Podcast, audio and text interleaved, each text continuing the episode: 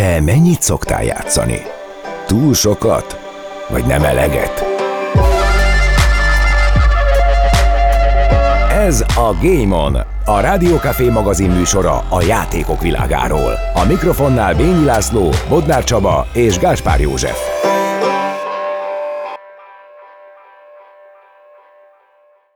Sziasztok, Bodnár Csaba vagyok, ez pedig itt a Game On, a Rádió Café 98 gaminggel és esporttal foglalkozó magazin műsora, és hát egy kis változás van itt a műsorvezetői stábban, ugyanis Kell Bogdán kollégám és barátom ugrott be az A-ból B-be című műsorunkban ezen a héten, mert se Joci, se Gret nem ért most rá.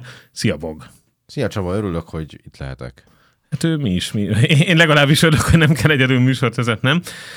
Ugye te gamelsz, meg így ez, ez mindig, tehát nem vagy egy nagyon nagy játékos, de azért bizonyos területei a játékoknak mindig is az életed részét képezték, és hát innentől mondjuk nyilván nem autószimulátorokról szeretnék veled beszélgetni, bár autószimulátoroztunk is még annak idején, már ha a Flatout az Hát igen, de hát azért végigjártuk a ranglétrát, a Stance meg a Test Drive 2 irányából indulva, hogy aztán eljussunk a 3D-s csodáig, de nem, tehát nem azok a dolgok nyűgöztek le engem sosem, hanem azok, amikben lehetett volna teremteni. Én mindig ezt a, ezt a vonalat szerettem. Igen, és ha valakinek most esetleg nem is tudom, Peter Molinő meg a Lionhead jutna eszébe, akkor nem, nem az Isten szimulátorokról fogunk beszélgetni, hanem az ilyen várostervező meg közlekedési szimulátorokról. Egyébként azért, ha most valaki összerakta a vonat, hogy itt A-ból B-be közlekedés szervezés, városi, nem tudom, közlekedés, illetve Bognak ez a megszállottság jellegű, vagy hát legalábbis rajongása ezen játékok iránt, akkor itt, itt valami kép szerintem összeáll.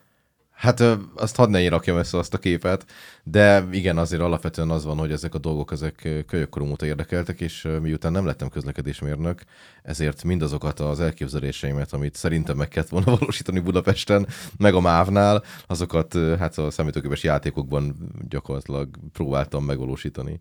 És honnan indult ez a műfaj? Egyébként sok felé lehet ö, osztani, nyilván mivel most te vagy kvázi itt a vendég, ezért téged foglak kérdezni, hogy te, te honnan eredezteted igazából ezt, ezt, a, ezt a műfajt, ami még mindig jelen van, tehát azért is érdemes róla beszélni, mert mert a City Skyline-nak például pont a héten jelentették be az új ö, második részét, ami azt jelenti, hogy akármennyire is átalakult a játékpiac, és például a valós idő stratégiai játékok szinte teljesen eltűntek, tehát ahhoz képest, hogy annak idején a Command Conquer, Red Alert, Warcraftok, azok mekkora dolgok voltak, ma már igazából van egy Starcraft 2 ami 10 plusz éves, és még kompetitív szinten játszák, ezért úgy ö, ott van a köztudatban, de, de hogy úgy tűnik, hogy ez az egyébként nem annyira mainstream, és kicsit talán egyedi vonal, hogy így városépítés, stb. Tehát, hogy itt még vannak új játékok, ami azt jelenti, hogy nem egyedül te játszol ezzel. Nem, sőt, igazából uh, ugye az a helyzet, hogy ennek most jelen pillanatban is van egy nagyon nagy uh,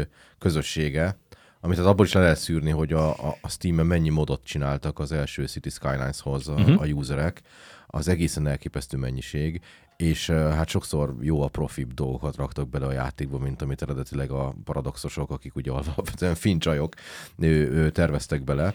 És, és úgy néz ki, hogy ez a, ez a közösség ez nem csak abból a szempontból erős, hogy nagyon sokat moddolják ezeket a játékokat, hanem Hát ellentétben más játékoknál, ahol ugye a gameplay videók azok alapvetően lineárisnak látszó dolgok, itt a, a City Skylines videók mondjuk, amiket meg lehet nézni Twitch-en vagy YouTube-on, azok általában mindig ilyen probléma megoldó videók, hogy adott egy város, ahol nagy a dugó, és akkor van egy fickó, aki mindenféle trükkökkel, meg eszközökkel, meg módosításokkal azt a dugot eliminálja, és ez egy 25 perces videó, amit végignézel szájtátva, hogy jó, nekem én nem jutott eszembe, hogy a kanyarodó sávot ide rakjam, meg a jelzőlámpát oda, meg a körforgalomba kinek legyen elsőbsége, és ezeket a mikromanagement szintű lokális dolgokat, problémákat oldja meg annak érdekében, hogy aztán az egész városban a forgalom gördülék egyőben haladjon. És uh, én azt látom, hogy ezeknek a videóknak a nézettsége marha nagy, tehát hogy ahhoz képest... De százezeres, milliós vagy? Hát a milliót azt nem éri el, de hát attól függ, hogy milyen epizódot csinál éppen uh-huh. meg, de hogy van, van több százezeres megtekintés rajta, mert egyrészt jól magyaráz, másrészt pedig tényleg valahol látványos is az, hogy pár kattintással rögtön ugye reagál rá a forgalom, hogy hogyan kezd el folyni, úgy, ahogy annak mennie kéne, és hogy tűnik el a dugó, és hogy lesz az egész dolog gördülékenyebb. Tehát, hogy, hogy valahol látványos is annak ellenére, hogy akciót, azt nem nagyon látunk benne. Hát igen, ha valaki erre pörög, na de honnan indult ez a műfaj? Te honnan, honnan gondolod, hogy ez, ez elkezdődött?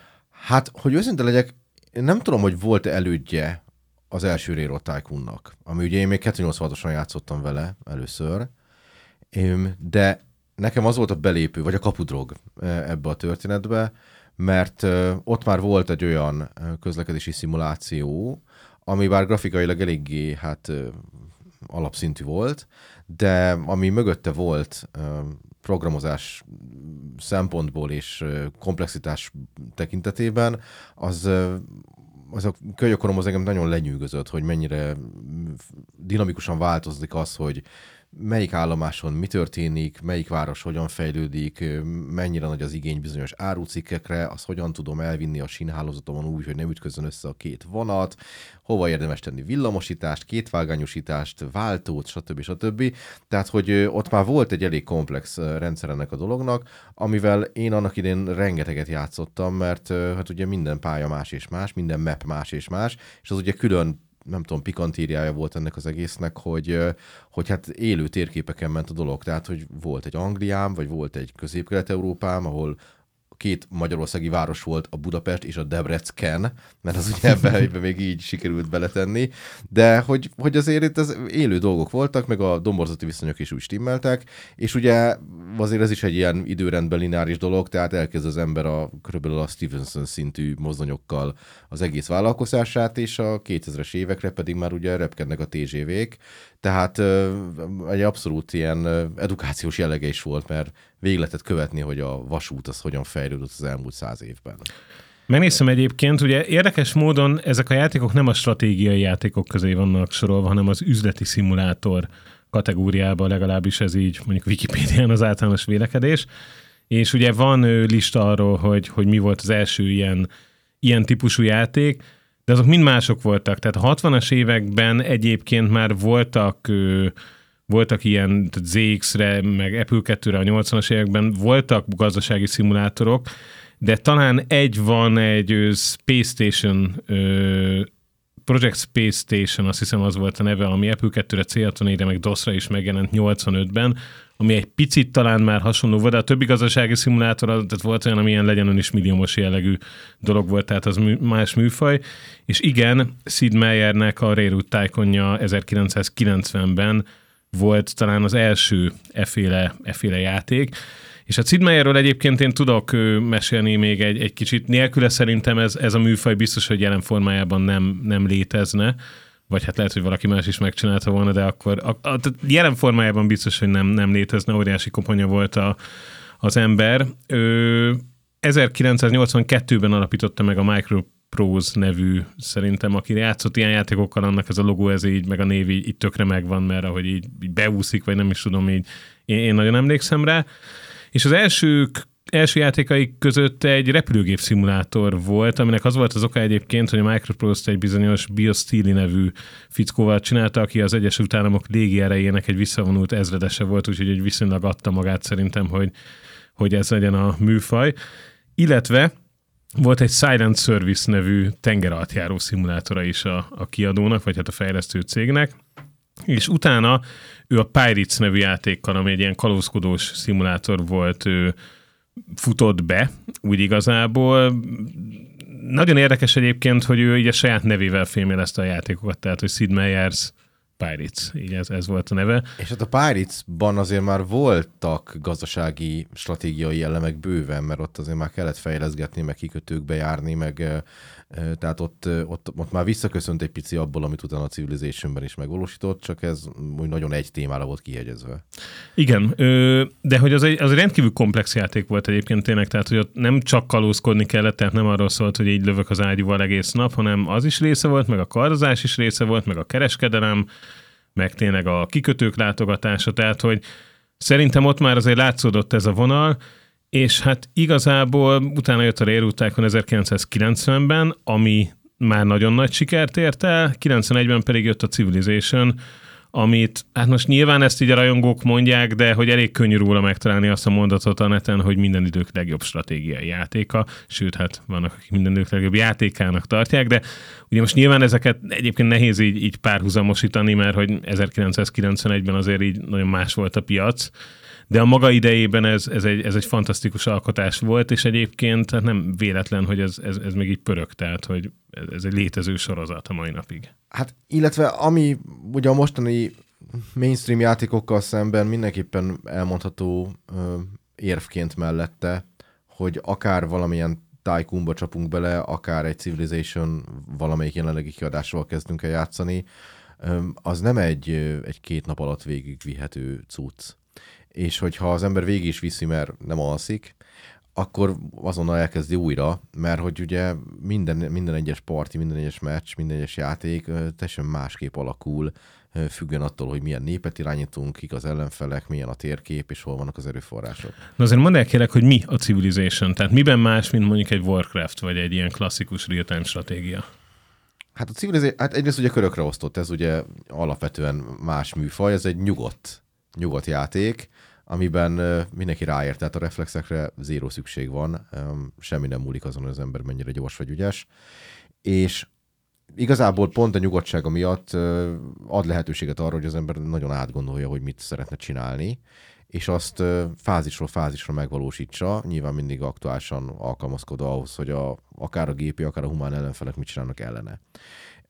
De az egésznek ugye az az alapja, meg az az íve, meg az az ötlete, hogy elkezdjük a az emberiség hajnalán um, építgetni a saját kis civilizációnkat, ami mondjuk sok vicces jelentet szül, mert ugye az elején lehet népet választani, hogy kiket akarunk vezérelni, és akkor persze ott vannak a zuluk, meg a mezopotamiaiak, meg az egyiptomiak, és hát simán van amerikai nép is. Ugye időszámításunk előtt 3000, és akkor ugye az amerikai népet lehet vezetni, ami hát ugye elég erős megváltoztatása a történelemnek. Igen, valószínű itt azért a célpiacot így elemezték.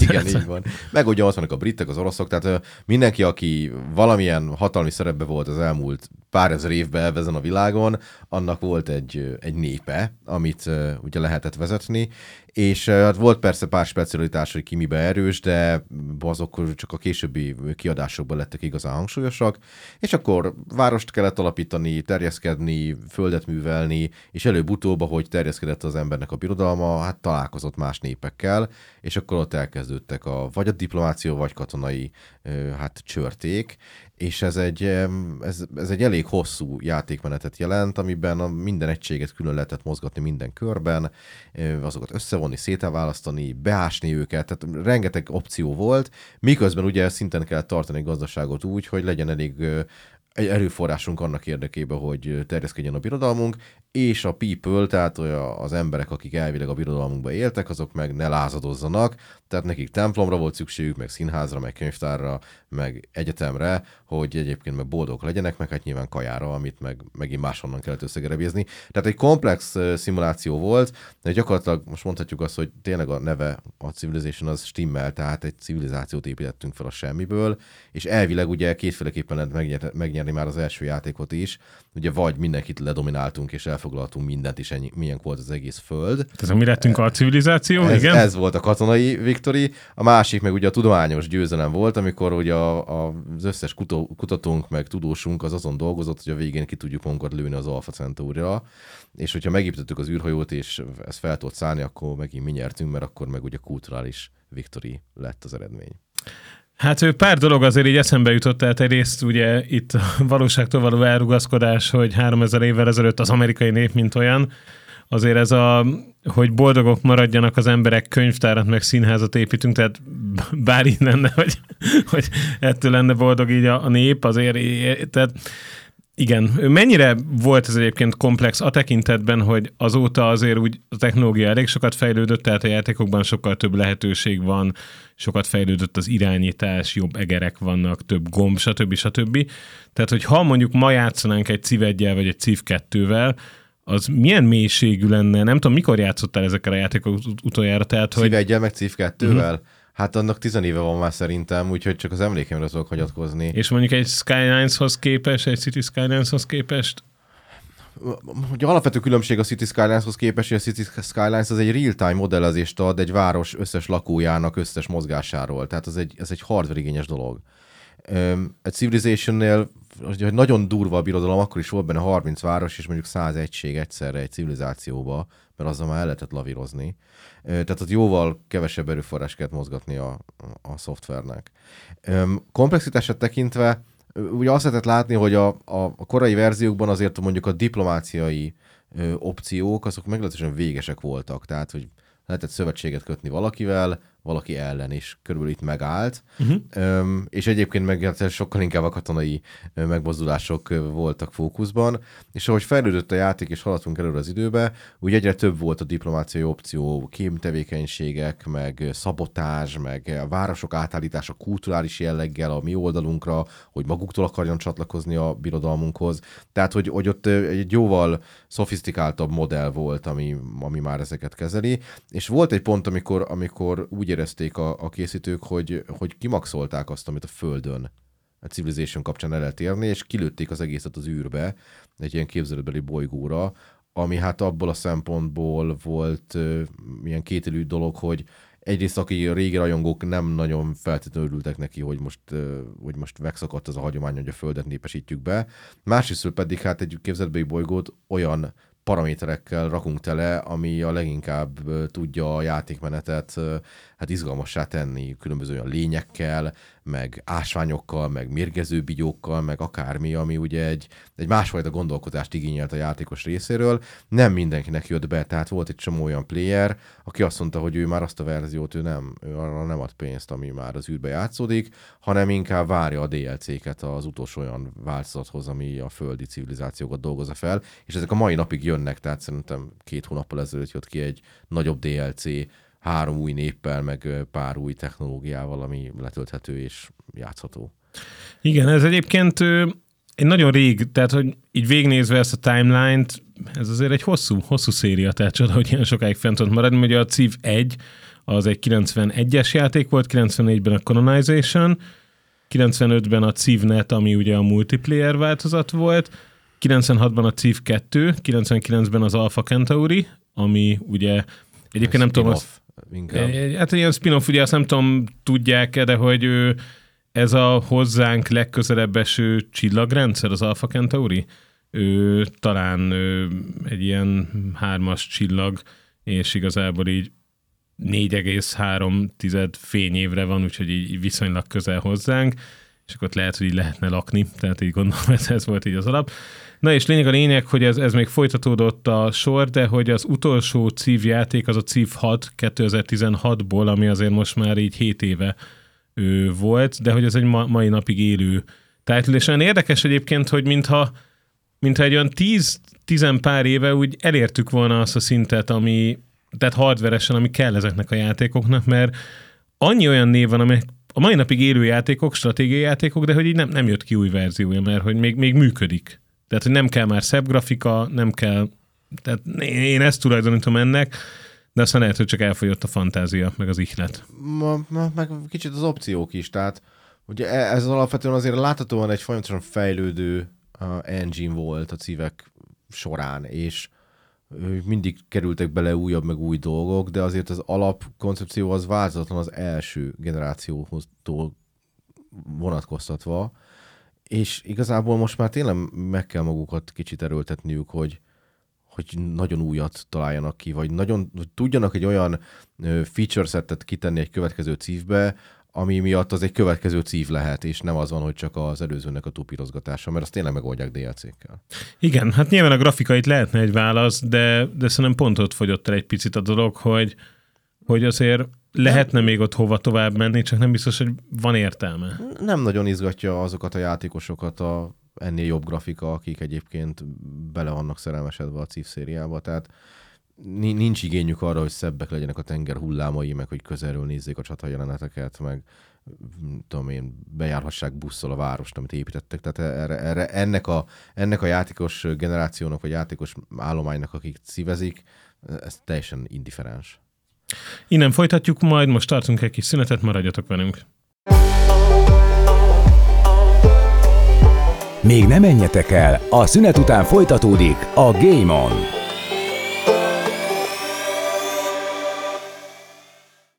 Visszatértünk ez még mindig a Game on a Rádió Café 98 gaminggel és esporttal foglalkozó magazin műsora, és itt van velem az Ából BB-s műsorozótársam Kell Bogdán, aki most kvázi vendégként teszi tiszteletét a, a Game On-ban, és hát gyakorlatilag Bok két kedvenc játék műfaját tekintjük ilyen kis sztorizgatós módon vég. Az egyik ezek a Civilization típusú gazdasági szimulátorok, illetve hát szerintem kis túlzásan önállóan is, tehát ilyen városépítő szimulátorként is lehet említeni a másik nagy kategóriát, amit te, te kimondottan szeretsz, és hát ez a SimCity-vel kezdődött 1989-ben. És az, ez az egy remek, remek játék volt a SimCity. Um, nyilván a mai szemben, és egyébként pont visszanéztem régi gameplay videókat SimCity 1-ről, és hát azért az, az nagyon sematikus, én szerintem ezt a szót használnám. De ott már, ott már azért ez egy fix felülnézeti dolog volt, nem volt semmi 3D-s benne, meg nem volt semmi csili grafika, de már ott látszott, hogy, hogy ez egy nagyon jó modell gyakorlatilag. Mondhatjuk azt, hogy egy picit olyan, mint hogyha a legózást kevertük volna az üzleti szimulációkkal, mert egyrészt ugye kellett építeni valamit, és utána azt a valamit, amit építettünk, azt működtetni is kellett úgy, hogy az nyereséges legyen, és tudjon terjeszkedni, és közben a userek, vagy hát a lakók, azok pedig boldogok legyenek benne.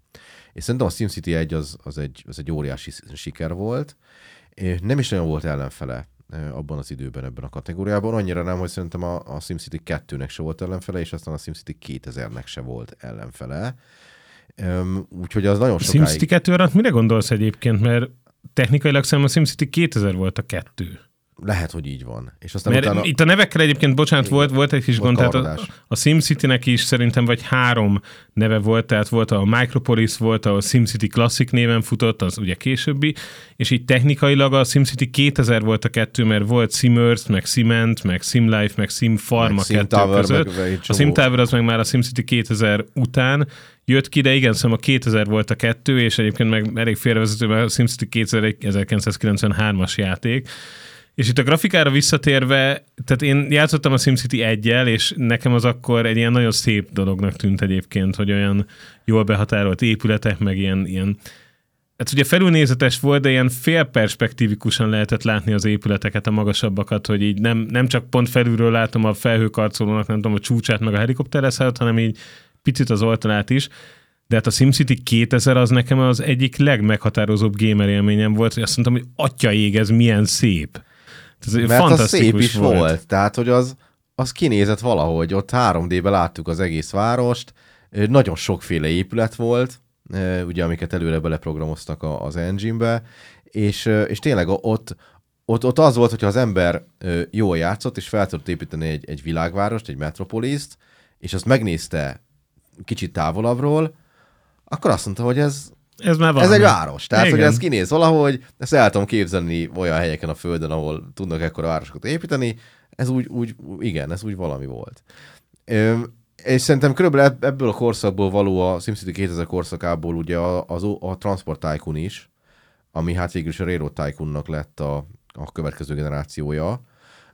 Az már ugye nem Sid Meier, hanem Chris Sawyer fémjelezte alkotás volt, és ott ugyanez a jellegű grafika volt, tehát fixen 3D-ből egy perspektívából láttuk az egészet, de nagyon hasonló volt így a, a dolognak így a grafikai színvonala, és hát az is a Railroad Tycoon után egy ilyen, egy ilyen marha nagy ugrás volt grafikában, és és azt gondoltam, hogy hát itt 3D-ben látom a vonatokat, azok fordulnak, meg ott már voltak repülők, meg mit tudom én, tehát hogy, hogy ez, a, ez, a, ez a korszaka az volt az, amikor ez a, ez a 3D-s perspektívikus nézet így ezekbe Igen, ez azért nem valódi 3D volt egyébként, Persze. tehát ez nem egy 3D gyorsított, nem tudom, DirectX-es vagy Direct 3D-s téma volt, csak ilyen perspektívikus 3D, de nem, nem tudtuk körbeforgatni így fokonként. Folyamatosan nem tudtuk, hanem volt négy nézet, amik közül 90 lehetett fokonként gyakorlatilag lehetett, de hogy emiatt ilyen 3D hatású volt. Igen, és azért ezt szerintem sokat hozzátett ezekhez a játékokhoz, hogy, hogy nem csak egy ilyen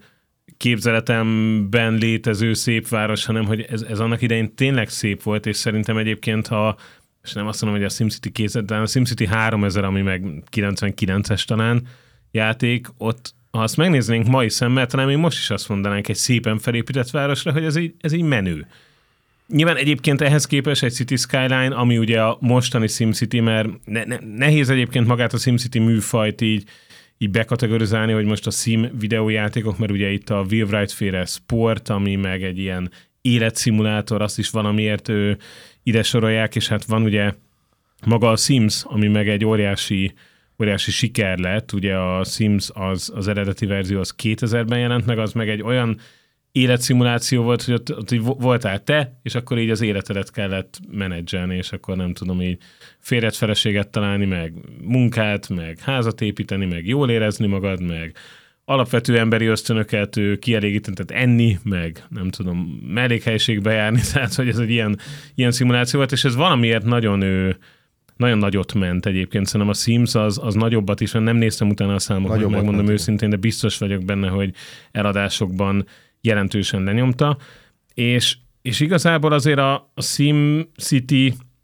vonal az, az megszakadt egy ponton, mert az utolsó SimCity játék, amit szintén SimCity-nek hívnak, és az már egy Electronic Arts gondozású játék, és hát gyakorlatilag az eredeti kitalálók közül, hát itt túl sok köze senkinek nincs hozzá, az 2013-as. És igen, ő... és akkor jelent meg a Citizen Motion is, az első. Igen. Uh, igazából ugye az, a, az a, az érdekes, hogy, hogy amikor uh, kijött az utolsó SimCity, amit ismerünk, akkor annak volt egy elég nagy hibája, hogy uh, nagyon behatárolt volt a térkép méret. Tehát nem volt elég hely játszani. Nagyon szép volt egyébként, tehát hogy ez már egy 3D engine-re épült, és fú, tehát arra viszont tényleg azt mondom, hogy oké, okay, hogy 10 éves játék, de a mai napig dögös, meg, meg jól néz ki, de hát valószínű ott azért voltak hardveres korlátok. Hát egyrészt, igen, ezen, ezen mondjuk vitatkozhatunk, hogy voltak a hardveres korlátok, mert ugye az 2003-as, és 2015-ben jött ki a City Skylines, ami a mai napig ugye nagyon népszerű. Kérdés, hogy mikor kezdték el fejleszteni egyébként, most ez, ez hülyén hangzik, de ezekben mi szerintem nem feltétlenül látunk bele innen. Ha a SimCity esetleg, bár én nem tudok ilyenről, egy ilyen elhúzódó fejlesztés volt, vagy hogy mondjam, amikor még az alapokat lerakták, akkor meg nem 2013 volt, hanem még 2005, most mondtam valamit, akkor lehet, hogy, hogy ez, ez volt egy gond. De igen, az viszont tény, hogy egy két egy-két éven belül megjelent játéknál az egyiknek volt egy nagyon durva hardveres korlátozása, hogy kis területen tudtál építkezni, ami pont azt az igényt, amit itt említettél, hogy hát Metropolis-t építek, és az, az mekkora jó, az, az gyakorlatilag így kinyírta. Aztán megjött egy City Skylines, ami meg ilyen limitációt igazából nem rakott Ott be. is van egy limitáció, de, de ez egy az, óriási terület, igen. amin, amin lehet építeni. Az, egy good luck beépít, tehát be lehet, de be. igen. Uh, igazából ugye a, a City Skylines-ban az volt a, a kicsit kevésbé váratlan, hogy az a Paradox Interactive, aki a City Skylines csinálta, ők csinálták meg a Citizen Motion 1-et, meg 2-t, ami alapvetően már egy picit hasonlít a SimCity-re, de ők ugye kifejezetten és kizárólag tömegközlekedési irányból közelítették meg a szimulációt. Tehát ott volt már egy adott város, amik egyébként létező a világ létező városai voltak lemodellezve, Helsinki-től kezdve Budapesten át, egy Frankfurton keresztül egy csomó, és nekünk csak annyi volt a dolgunk, hogy ezt a várost ezt akkor megkaptuk, és itt akkor most tömegközlekedést kell belerakni. És abból, hogy benne volt a busz, a villamos, a metró, meg az összes hajó, meg az összes dolog, ami itt szóba kerülhet, és ugye nekünk az volt a feladatunk, hogy egy működő tömegközlekedést hozzunk össze. Ez két nagyon népszerű játék volt, és ugye volt egy frissessége attól, hogy olyan csapat csinálta, ami kvázi múlt nélkül csöppent bele ebbe a történetbe. Igen, a fejlesztőt egyébként úgy hívják, hogy Colossal Order, tehát ugye a Paradox a kiadó. A Paradox a kiadó és ez valóban egy Tampere-i, tehát finn, finn vállalat, és 2009 nyarán alakultak, és a legutóbbi számadatok azok 2022-ből vannak, de hát 30-an vannak. Tehát ez egy 30 Igen, fős és cég. tök sok lány van a fejlesztő csapatban. Ennek annak ide, ennek annak idén nem is úgy néztem utána, hogy direkt utána néztem, hanem valamilyen ö, blogot olvastam, ahol ők ö, ugye nyilatkoztak a játék kapcsán, és akkor ott véletlenül elhangzott, hogy egyébként ö, itt, itt tök sok csaj van a, a csapatban. Nem, ez annyira érdekes. Nyilván egyébként ez ilyen skandináv kultúra beli különbség is, tehát hogy valószínű ott az informatikai oktatás egy kicsit ö, hát fejle, és most tényleg itt tudom, hogy nagyon sok ember dolgozik Magyarországon is azon, hogy ez egy ilyen diverzebb dolog legyen, de, de azért alapvetően ezek hogy mondjam. Tehát általános iskolában még gyönge az informatikai oktatás, és hát nagyon sok dolog kell ahhoz, hogy, hogy mondjuk 50-50 százalékban legyenek műszaki egyetemeken végül a hallgatók, mert nemek tekintetében.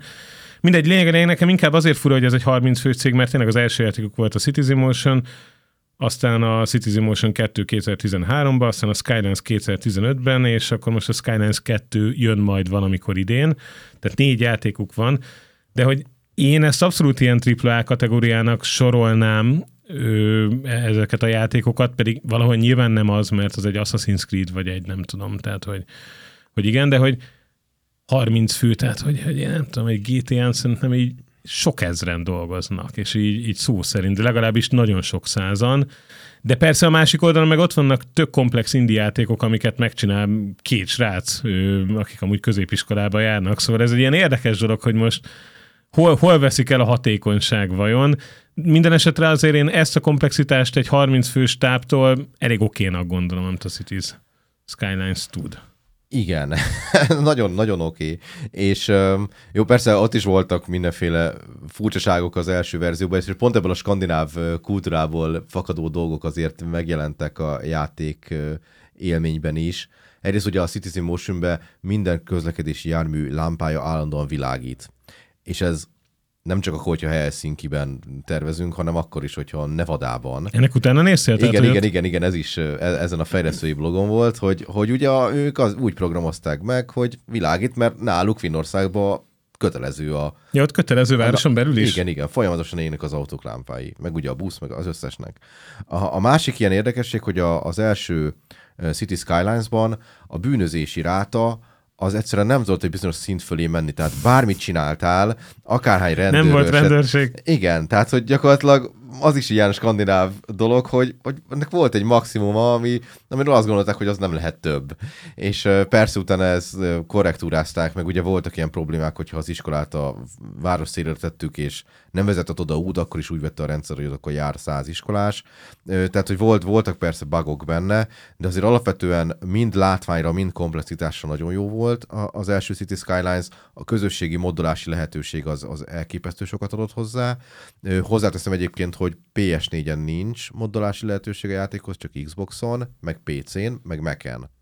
Ez ö, Sony igen, ez, sajátosság? Igen, ez ugye platform hát annyira béna, tehát, hogy ő, ugye mondjuk a Beat Saber, ami az egyik legnépszerűbb VR játék, amikor ilyen fénykarddal csapkodom le igazából a dobozokat, hát Playstation-re, ugye kint van, és akkor nem tudom, van 10, vagy most lehet, hogy 20 vagy 30, nem tudom, de ilyen egy-két tucat album, ami igazából egy előadótól öt híresebb szám, és akkor azokat tudom letölteni. PC-n meg így pont végtelen van, és azért így nagyon nem mindegy, mert hogy amúgy meg ugyanannyiba kerül. Hát, és más a játékélmény. Pont azért PS4-en a City Skylines játékélménye az egy doboz, dobozos játék. Ugye ott, ott azzal a feature settel meg, meg funkcionalitással tudunk dolgozni, amivel megtervezték a Colossal Ordernél a, a szoftver. És ez nem rossz egyébként, És az, az sem rossz, de azóta annyi DLC meg, meg addon jött ki hozzá, hogy, hogy tényleg egészen mikroszintre le lehet menni abba, hogy, hogy menedzseljünk a város. Tehát most csak egy példát mondok, ha van egy négy sávos út, amin megy a forgalom, és van egy kereszteződés, akkor el lehet dönteni, hogy legyen ott zebra, legyen-e jelzőlámpa, melyik sáv merre kanyarodjon, és azt úgy is meg lehet csinálni, hogy egy ideig erre kanyarodik, és utána arra, tehát kvázi kanyarodósáv válik az egyikből. És igazából már csak ezekkel az apró hozzászólásokkal vagy, vagy, vagy módosításokkal teljesen át lehet formálni egy, egy adott régiónak a közlekedését. És amiben nagyon jók a Colossal Orderesek, hogy ők megcsinálták a Citizen Motion 1-2-t még a City Skylines előtt közben, és ezért a Citizen, City Skylines-ba a közlekedési modell, amit beleraktak, az gyakorlatilag az olyan szintű, hogy az közlekedés mérnöki oktatásra alkalmas. Tehát lehet szimulálni rajta egy konkrét ö, útvonal vagy városrész közlekedését, és meg lehet rajta mutatni, hogyha ilyen meg ilyen módosításokat teszünk az úthálózatban, meg a jelzőlámpákban, meg, a, meg az elsőbségadásokban, meg stb., az hogyan változtatja meg egy adott régiónak a dinamikáját, és persze defaultból az van, hogy diszponolnak az autók egy bizonyos idő után, hogy ne legyen óriási a dugó, de van olyan mod, amivel azt mondjuk, hogy akkor nincs diszpón, és az az autó, kijött a XY házból, és a célja egy valahol a város másik lévő iskola, akkor addig ott van a térképen, amíg el nem jut odáig. És ez ki mondja, hogy ez alkalmas szimulációra? Én. Na mert hogy, hogy használják-e? Mert egyébként, fú, ezt majd Ából BB-ben kéne szerintem Így egy, van, hogy ezt egy, egy vala, valakitől megkérdezni. Nem csak az érdekel, hogy hogy oktatják, mert mert jó, mondjuk az is tökre érdekel egyébként, hogy itt most ilyen 60 évvel ezelőtti dolgok, most no offense a felsőoktatásnak, de azért láttam már ilyet, mondjuk a saját ő felsőoktatási karrierem, azért azt nagy karriernek nem lehet nevezni, mindegy, tehát nem, nem lettem PhD, de nem is futottam neki. Szóval hogy ott azért tanultam nagyon régi dolgokat, és nem tudom, hogy pont ezt egyébként milyen szakon tanítják, meg ott mennyire up to date a tudás mennyire változik, mert mondjuk nyilván egy, egy Petőfi összes az, az ne- nem nagyon kell, hogy változtassunk rajta, de, vagy hát nem is lehet. De na mindegy, egy kicsit elkalandoztam, de hogy nagyon érdekelne egyébként, hogy itt milyen szoftvereket használnak szimulációra, amikor mondjuk egy jelzőlámpa újrahangolás van. És ez még jobban érdekelne, hogy vajon vajon játékokat használnak-e, mert egyébként lehet, hogy tényleg van ezen a szinten mondjuk egy Skylines, független attól, hogy most te azt gondolod, vagy nem. Én fordítva közelíteném meg szerintem, ha valaki a Skylines-ban penge, annak lehet, hogy könnyebben fog majd az egyetemen pont ez a terület menni, mert mert, mert látott egy ilyen hatásmechanizmust, hogy ha itt ezen a ponton ezt csinálom, akkor a... mondok egy példát, például a, a City Skylines-nak még a tutoriájában is benne van, hogy amit ne csináljál, mert tuti dugó lesz, hogy nagyon rövid utca végére teszel jelzőlámpát. És ez egy alapvetés közlekedés mérnöki szempontból, és van a budapesti városban néhány példa rá, hogy mi történik, hogyha egy én, három autót elbíró utca végére teszel jelzőlámpát, minden környező kereszteződés, ami ugye arra hord rá, az full dugóba lesz, és nem tudják az autók, hogy hogyan menjenek. Ö, és ez a City, City Skylines az még a tutoriáljába is berakja, tehát hogy ezt oktatják a usereknek, hogy ezt, ezt ne csináld. Kap egy hintet a user, hogy hát most jó, hogy oda tettél egy jelzőlámpát, de mi szerintünk aznek nem lesz jó vége, és egyébként tényleg nem is lesz jó vége, tehát hogy ott, ott, ott akkor kialakulnak tényleg olyan dugók, amik a való életben is kialakulnak ugyanilyen szituációban. Igen, ez egy, ez egy mindenképp érdekes kérdés. Mit vársz egyébként a, a kettőtől? Ugye láttad a trélert, láttad, hogy, hogy milyen lesz. Hát láttam a trailer, de a trailer igazából, az igazából a trailer az, az inkább egy, ö, Prerendered egyébként, tehát még csak nem is látjuk a grafikát belőle. nem, nem csak hogy a grafikát, de a funkcionalitásról egy, egy árva muk nem esett, tehát hogy mivel lesz több. De hogy lehet több? Igaz? Tehát azért kérdezem így, hogy Lehet te mit több. vársz, mert Hát- azért így DLC-kkel meg mindennel az első rész így elég sokáig eljutott. Igen, és ráadásul ugye azt lehetett látni, hogy a DLC-k sokszor a felhasználók által gyártott ötleteket emelte be, és tette csomaggá, és vált a játék hivatalos részévé. Um, én, én jó, még több közlekedés szimulációs megoldást várok, tehát én azt gondolom, hogy abban még van menetrend készítés, például nem nagyon van a mostani City Skylines-ban illetve van azt is a közösség tette hozzá, és nem biztos, hogy tökéletesen működik. Tehát, hogy a, annak, annak mindenképpen várok egyfajta előrelépését. Azt gondolom, hogy nagyobb térképet kapunk, vagy nagyobb területet tudunk majd beépíteni. Valószínűleg ugye, ahogy haladtunk a hardveres képességekkel, több egyedet tud mozgatni majd a, az engine. És hát én, még ilyen specializációs ö, tudok elképzelni, hogy lesznek olyan városok, kifejezetten, mit tudom én, olajtermelésre vannak ráállva, lesznek olyan városok, amik kifejezetten, mit tudom én, sielési centrumok, és úgy kell megépíteni, hogy a libegőkkel feljussanak a turisták a csúcsra. Tehát, hogy inkább ilyen fajta kihívásokra számítok, de most vaktából övöldözöm, mert a trailerben nekem semmi nem derült ki. Igen, hát ettől függetlenül várjuk, illetve hát ettől függetlenül elfogyott nagyjából az adásidőnk is, ez nem volt a világ legszebb összekapcsolása, de ő, hát azért na, nagyjából azért rendben volt. Hát reméljük, hogy egy picit ö, meghoztuk itt ö, azoknak a kedvét, akik Akiknek van rengeteg idejük, hogy ebbe belemerüljenek, mert ez időrabló dolog. igen, erre mondjuk így a kockázatok és mellékhatások tekintetében, tehát elég fel kell hívni a figyelmet, de hogy aki annak idején SimCity-zet mondjuk, vagy SimCity 2000 vagy Civezet, vagy valamelyik Tycoon játékkal játszott, az ha esetleg nem ismeri, vannak még ilyen játékok. Full modern, 3D grafikával, tényleg nagyon dögösek ezek, tehát így építesz valamit, és így megtervezed, és Szerintem van egy látod fejlesztési mozgásba. vonala is ennek. Azért eh, egy térlátás is fejleszt, meg egy kicsi ilyen mérnöki képességet.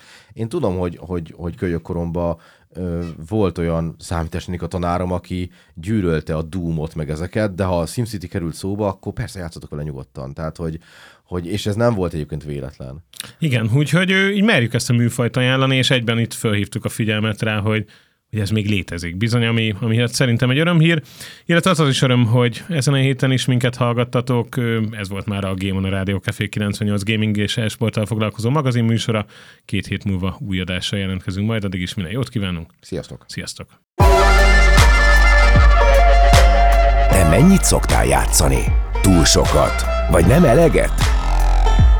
Ez a Game On, magazinműsor a játékok világáról. Casual gaming és e-sport, konzolok, PC-k, trendek, gazdasági elemzések, Bényi Lászlóval, Bodnár Csabával és Gáspár Józseffel minden szerdán délután 3-tól 4-ig a Rádió Cafén.